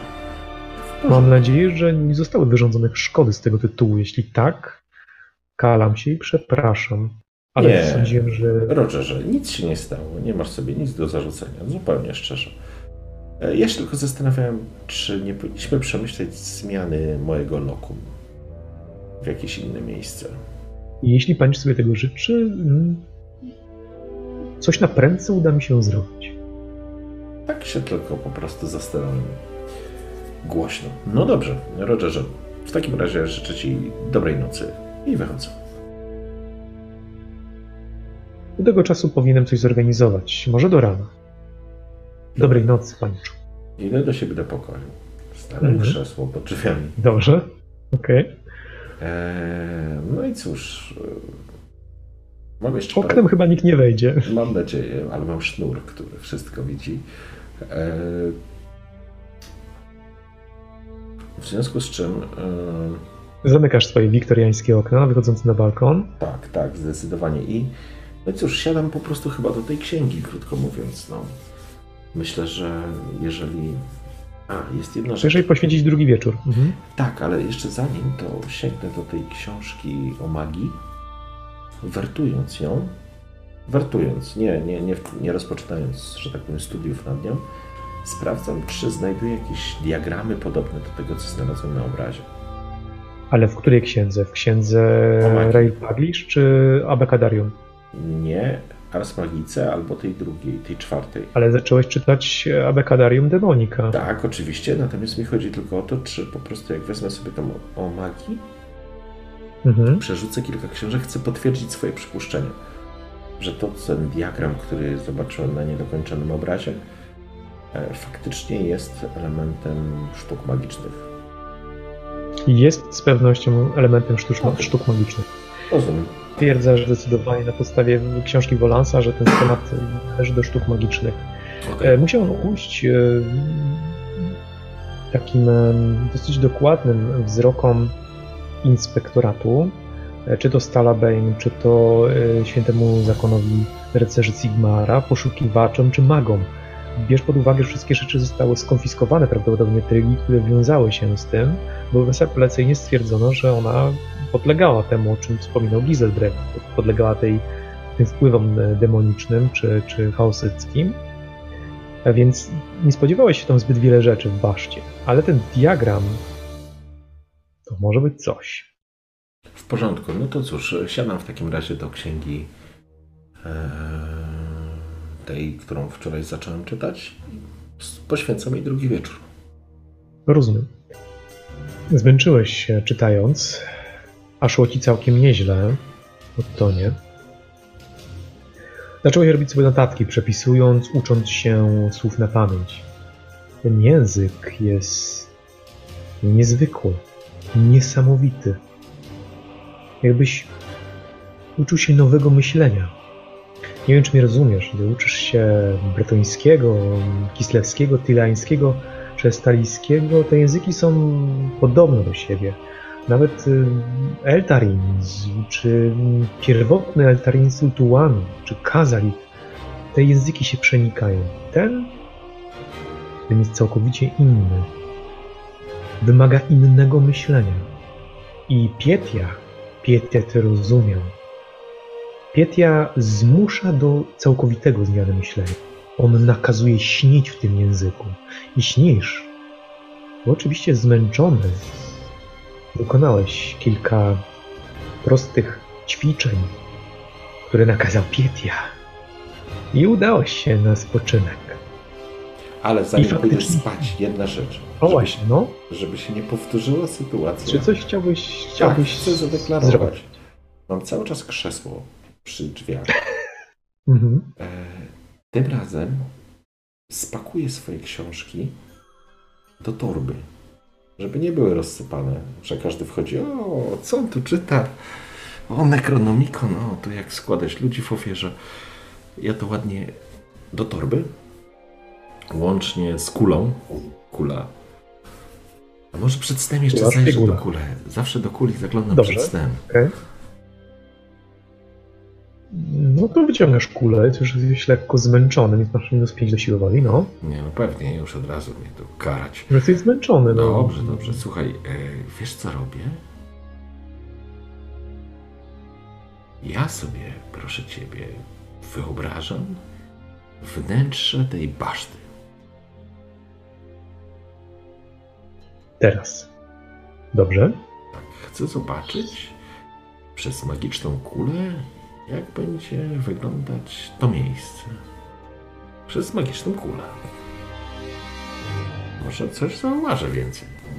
No dobrze, rzućmy. Zobaczymy ile sukcesów. No, ta 99 będzie. 49. E, weszło ci czy nie? A inteligencję testujemy, czy co? Siłę woli. A, tu dupa. Nie. Mam 30. No nie. 41 siły woli mam. A mogę coś... Jucha z nosa i do, jucha z nosa i do łóżka. A spostrzega... spostrzegawczość, nie? Nie, nic postrzegawczości. Siłę woli po prostu testujesz na moc kuli. Kurde, mam stolarstwo, stary.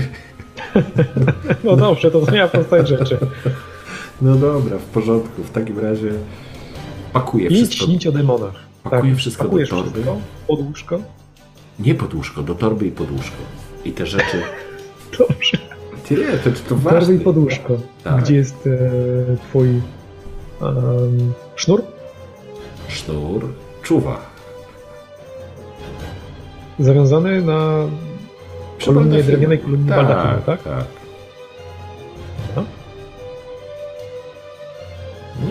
Spać. No.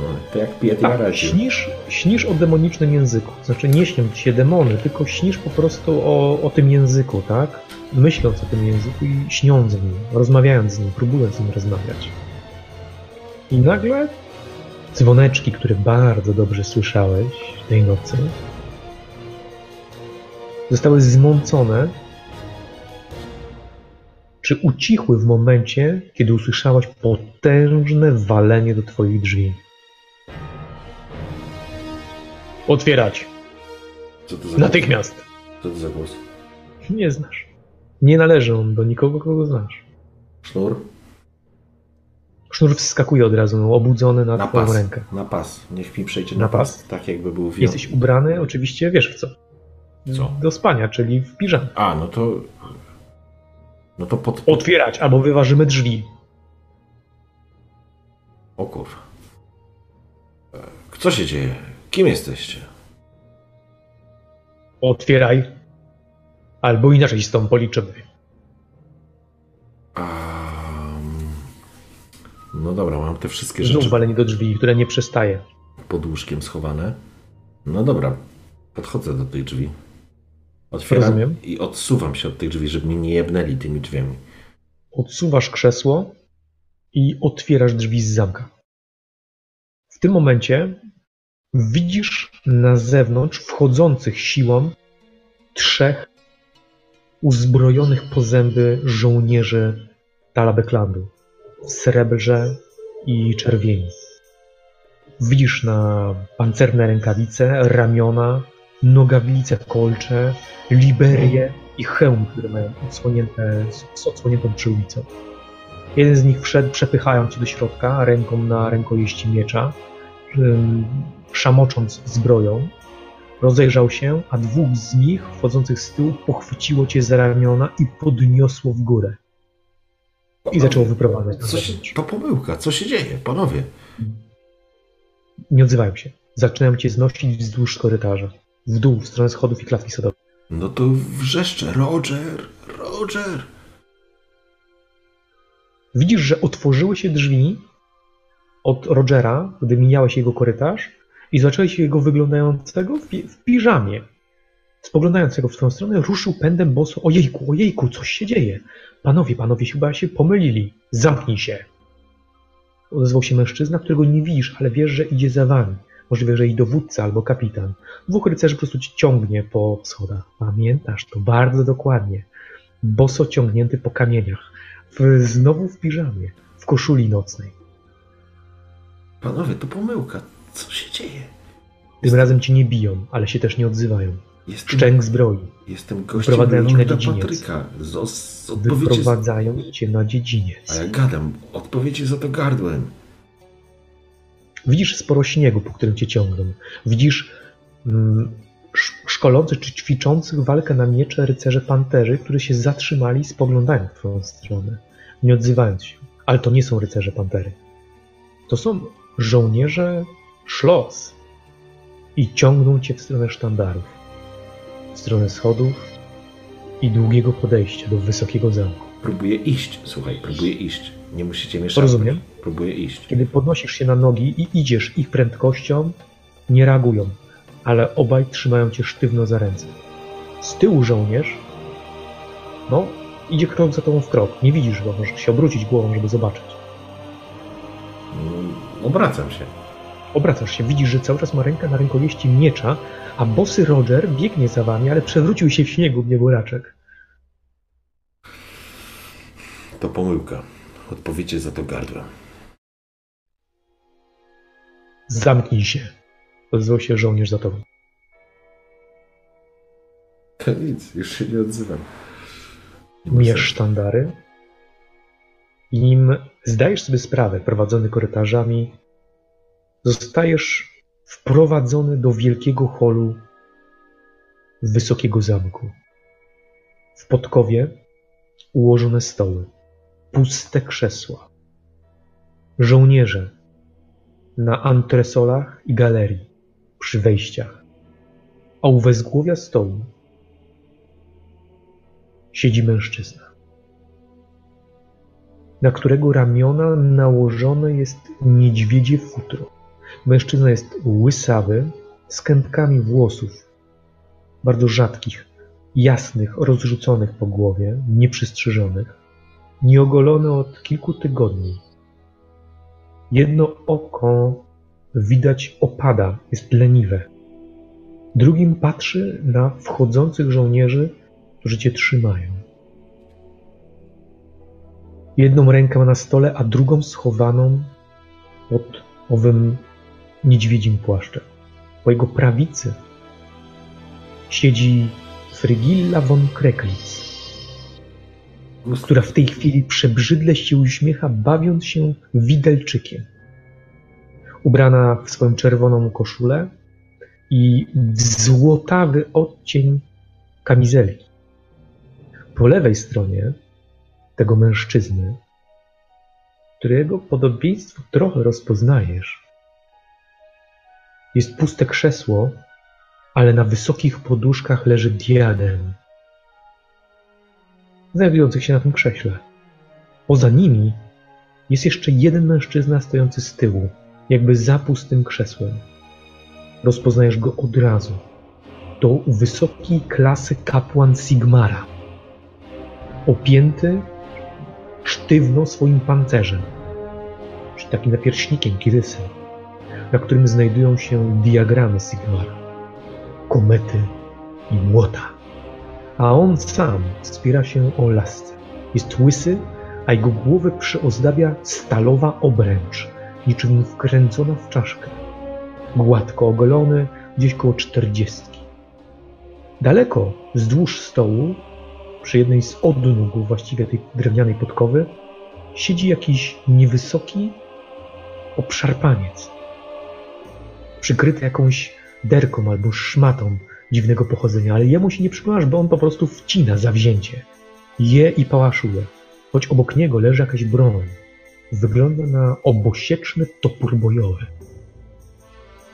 Mężczyźni zatrzymują się, trzymając ciebie za ręce i mija ich ten żołnierz kierujący się na wzgłowie stołu. Podchodzi w stronę mężczyzny i coś deklaruje, jednak cicho, wystarczająco cicho, żeby Frigilla naturalnie to słyszała. Frigilla nie może się, nie może po prostu przestać się uśmiechać z zadowolenia, pokazując ci wzrokiem. Mówiłam ci. Mówiłam. Ja mam się w niej zakochać. Wypatroszę ją, kurwa, wypatroszę ją w imię Korna. Zmieniam. Dużo zmienię w swoim życiu, jeżeli przeżyję. Dobra. No, okej, okay, no. Dzień dobry, panie Pekendish. Odezwał się mężczyzna z głowy stołu. Z- zapraszamy. Odezwał się starczym głosem, gdzieś koło sześćdziesiątki. Skłaniam się. Wskazał ręką, lewą ręką, nie wyciągając prawej nadal spod płaszcza, na jedno z wolnych miejsc, niedaleko tego jego mościa. Skłaniam się przed Lordem Gustawem. Po czym idę? Skłaniasz się o tyle, ile mężczyźni ci pozwalają. Tak, oczywiście. cię trzymają. I kiedy ty na sekundę się zatrzymałeś, oni pchnęli cię w stronę stołu, trzymając za ręce, sadzając siłą. I stoją za tobą naturalnie po obu stronach krzesła. Aha. Jest to i zastawa. I trochę jedzenia, gdyż no, to jedzenie, które nie zostało spałaszowane przez tego jego mościa, zaraz, zaraz, zaraz. Ten mężczyzna czarnej brodzie i czarnych lokowanych włosach, rozrzuconych po całej twarzy. Widzisz półnagi tors i ramiona pokryte całe tatuażami.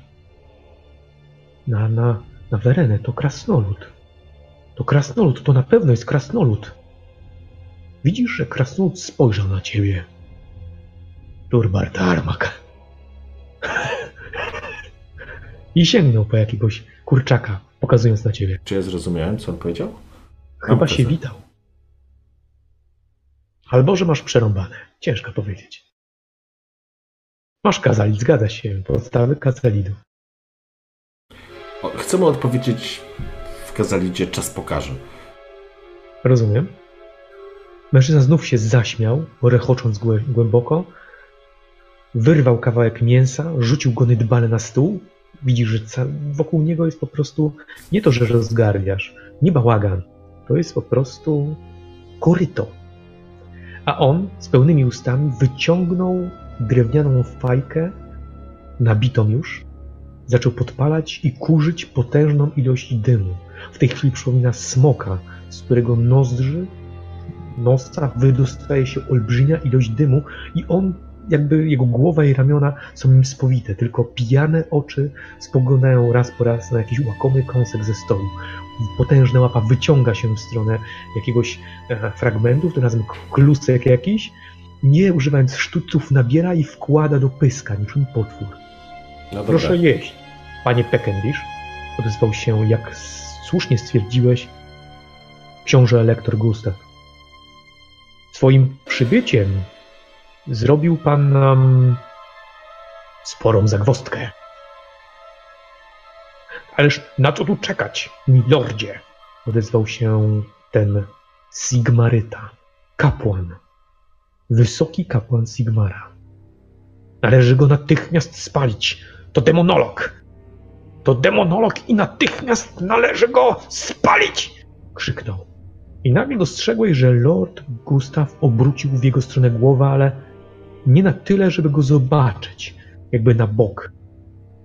Ja nie jestem Karl Franz, a ty nie jesteś wielkim teogonistą, żeby mówić mi, co mam robić! Krzyknął, uderzając w stół. Jeszcze raz. A popamiętasz. Mężczyzna cofnął się, ale się nie zląkł. Patrzy na niego, pełen dumy, ale spuszcza wzrok. Gustaw obraca się do ciebie, raptownie, nieludzko. Nagle dostrzegasz, że pod jego tym dziwnym płaszczem niedźwiedzim jego ręka prawa jest zdeformowana wykręcona w niewyobrażalny sposób. Mięśnie w niej zanikły, choć nie widać w niej kości. Wygląda jakby obumarła. On powiedział mi, że Proszę mam i- jeść, jeść, tak? Proszę jeść, panie Peckendish. Nauczymy. Nawet takich jak pan częstujemy tutaj posiłkiem. Skłaniam się. To nie żaden demonolog, odezwała się Frigilla, wkładając do ust jakiś smakołek. To zwykły przebieraniec, odezwała się z, pełnym, z pełnymi ustami. Moja droga. Przed zamkiem stoją oddziały mojej ciotki, a twojej babki. Czy chcemy, czy nie, czy pan Beckendish jest, czy nie jest, demonolog musi się znaleźć. To tyle. Proszę nie żywić do nas urazy.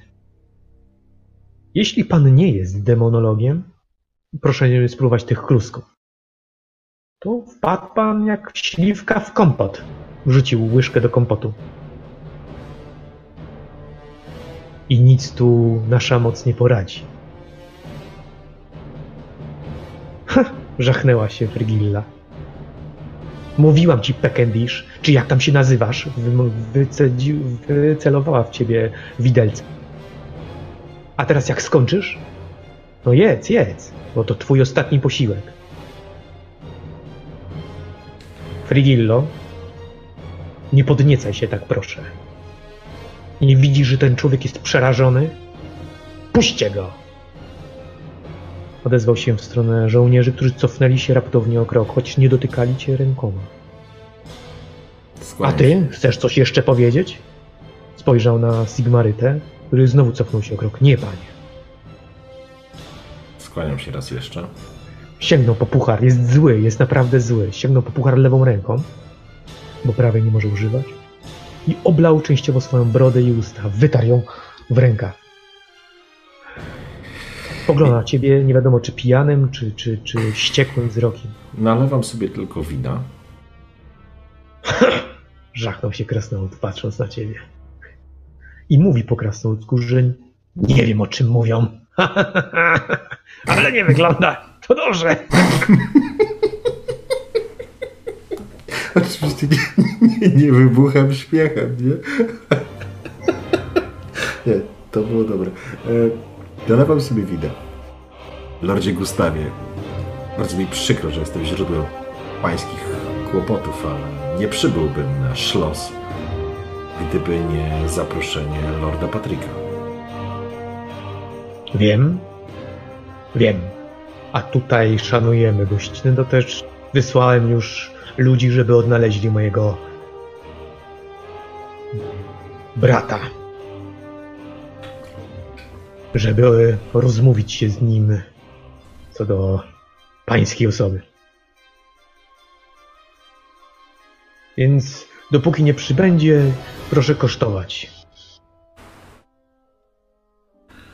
Rozumiem. I że wrócił do, do rozmowy z Frigillą, która jest żywo zadowolona. Porządku. Jakaś służący podchodzi w stronę e, Lorda Gustawa i widzi, że coś mu nanosi. Mm, Sięgam po coś do jedzenia, żeby nie obrazić gospodarza. Po czym jem. Nauczony w życiu, że jedzenie jest ważne.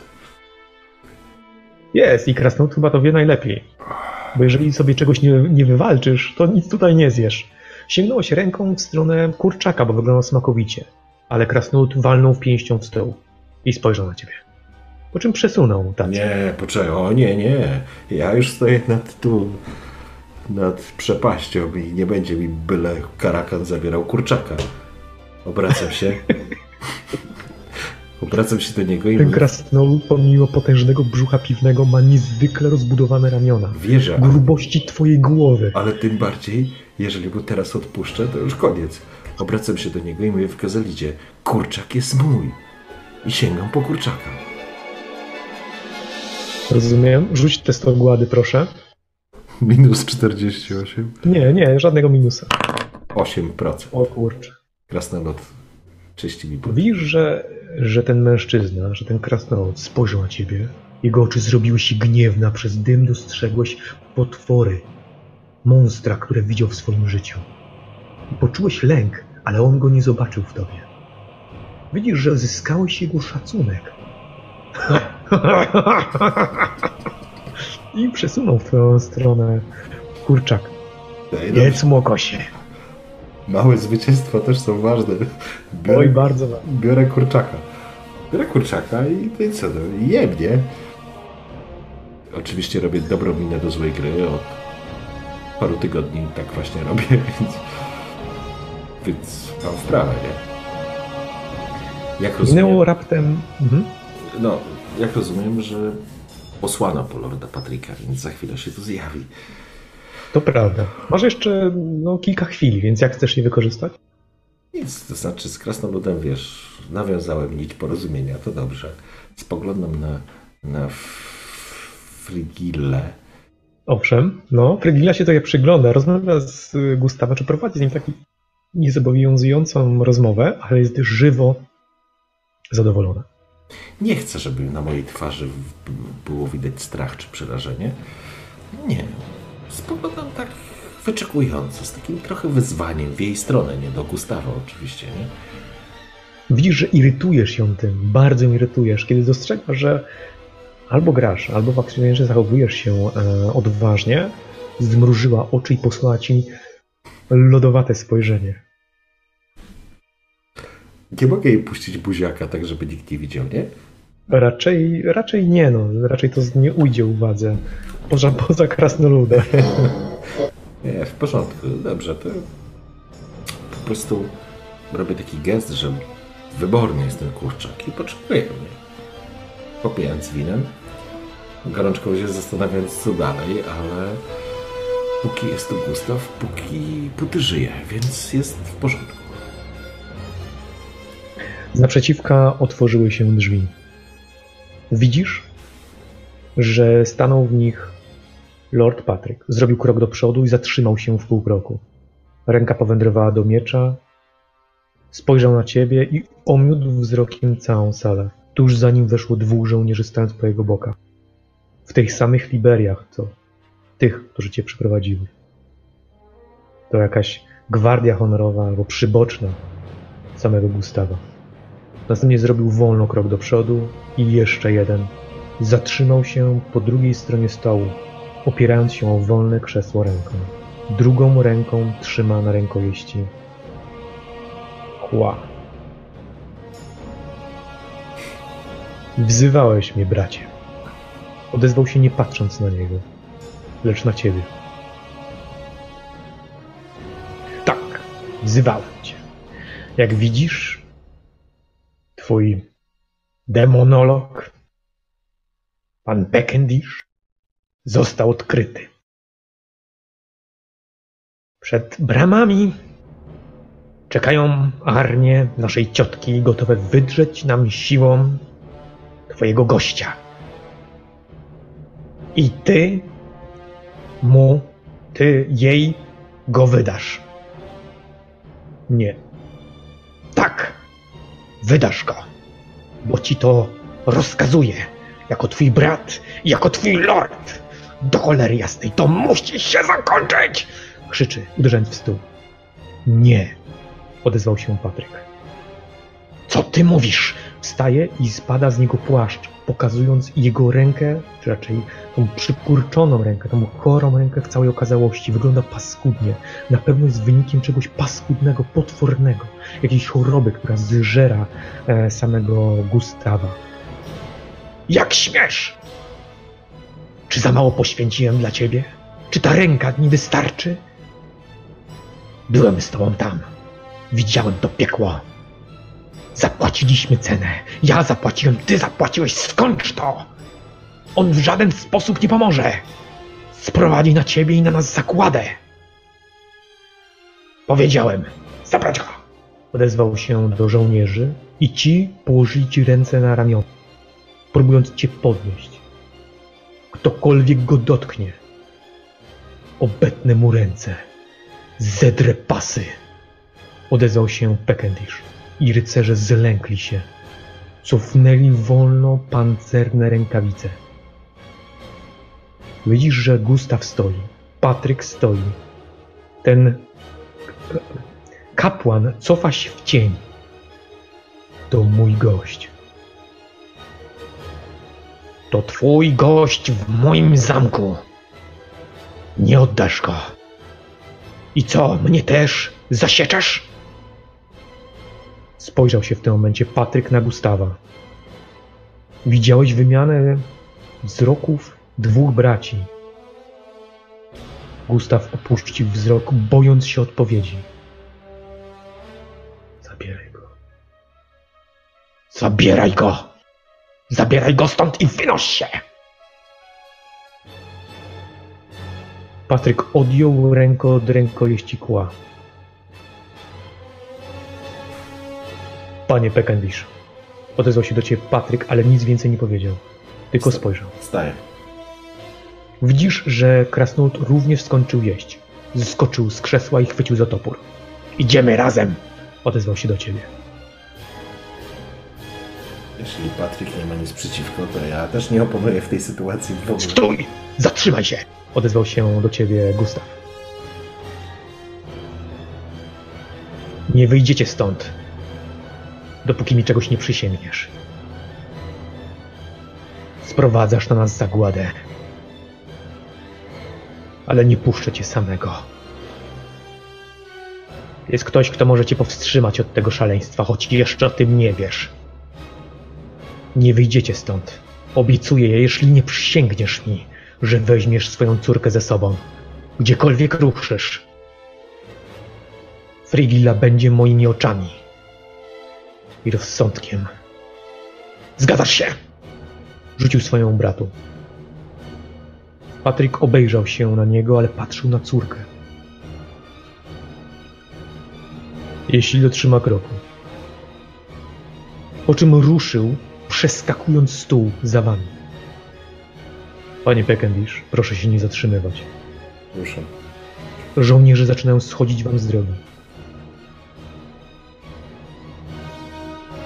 Kiedy wyszliście z niewielkiej sali, kierując się w stronę na zewnętrznej części dziedzińca, Patryk odezwał się, zakładając rękawice, które miał za pasem.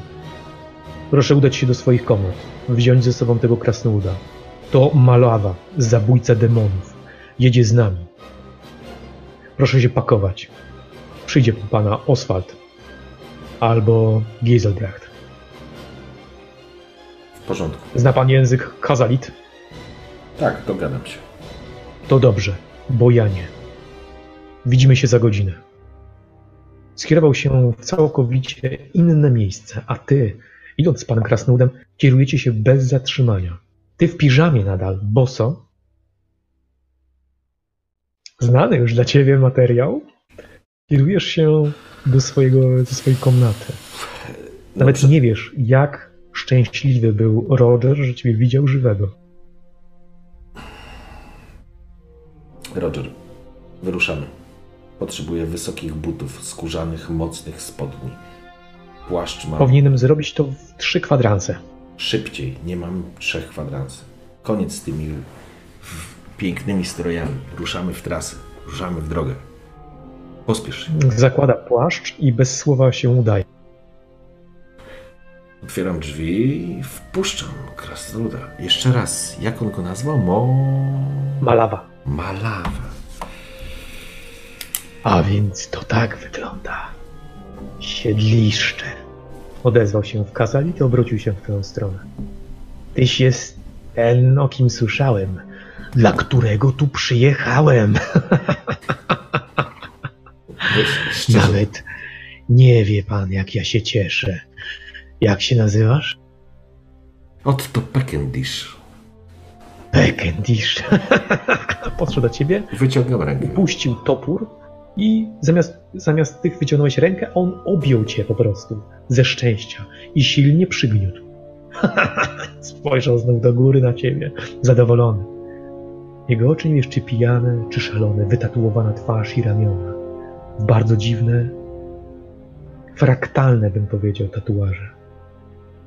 Przewidziano mi cię. Przewidziano. Razem. Oni nic nie rozumieją. Oni nic nie wiedzą, prawda? Pan jest moim szczęściem. Pan go przyzwie. Prawdziwego demona, potężnego, prosto z eteru. Jesteśmy sobie pisani, pan i ja. Oni nic nie rozumieją. Dużo czytałem, uczyłem się. Kazałem ludziom czytać księgi. Pan jest dla mnie stworzony. Panie Peckendish. Demonolog. Razem. Pan goś przyzwie. A ja... A ja go zabiję. Albo zginę próbując. Taki nasz los. Taki nasz los, a to najszczęśliwszy dzień, od kiedy złamałem przysięgę. Czy ja coś wiem na temat e, zabójców i tej całej profesji krasnoludzkiej? Czytałem, czy nie?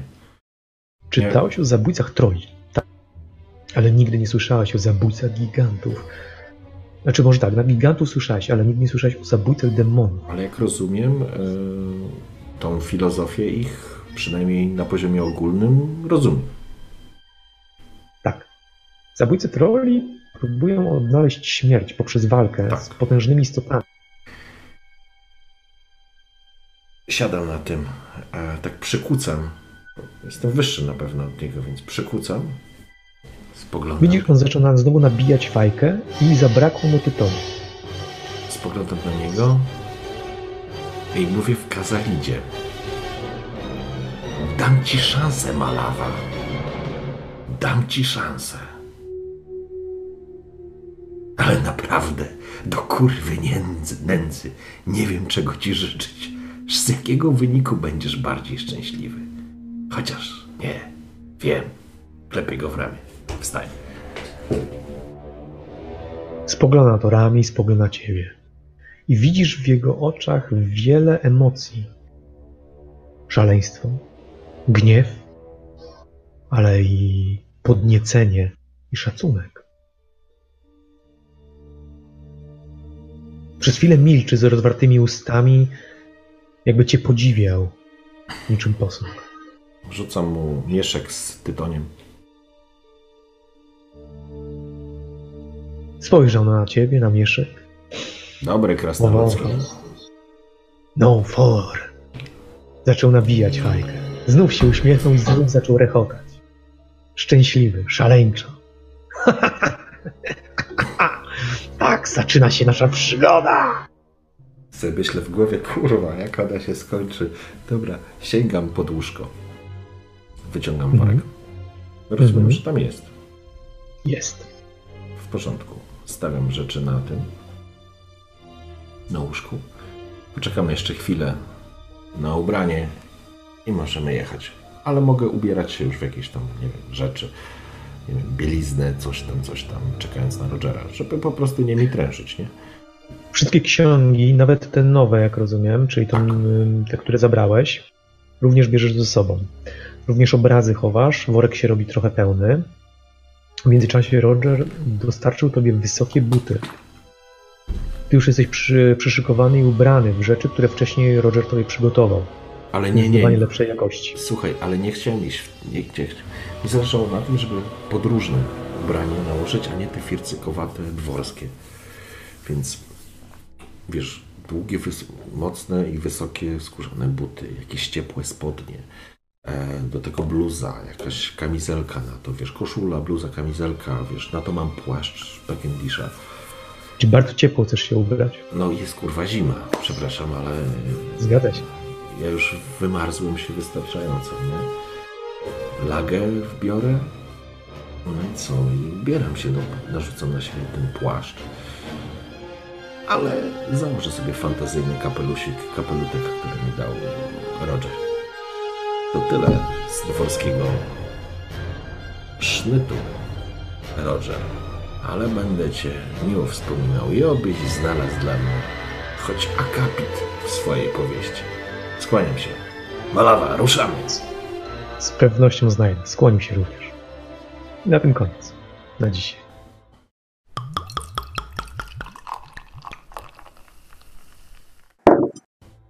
No jak, teraz właśnie mamy iść, kurde, stary. Zgadza się, macie iść, ale to już na dzisiaj koniec, ponieważ e, no to jeszcze nie do końca jest ko- koniec zamku Schloss, ale już taki na finiszu, można powiedzieć. No nie, no to był najlepszy moment. Oj. Tak, tak. Mocna rzecz, nie? Fajne, to było fajne i to był taki, taki, taki wybijający się ten moment, nie? Taki punkt zwrotny całej sesji, nie? No i świetnie, Tak, no bo świetnie tego Malawa odegrałeś. Świetnie, naprawdę, kurwa, zajebiście. No, cieszę się, że tobie się naprawdę podobało. fa- Fajnie. I zresztą dialog między lordami. Super. Naprawdę Właściwie to spoko. taki dialog, żeby Lord Patrick nie mówił, no bo on tak, taki No. jest, nie? No jo, ale to, to fajne było Sugestywne. naprawdę.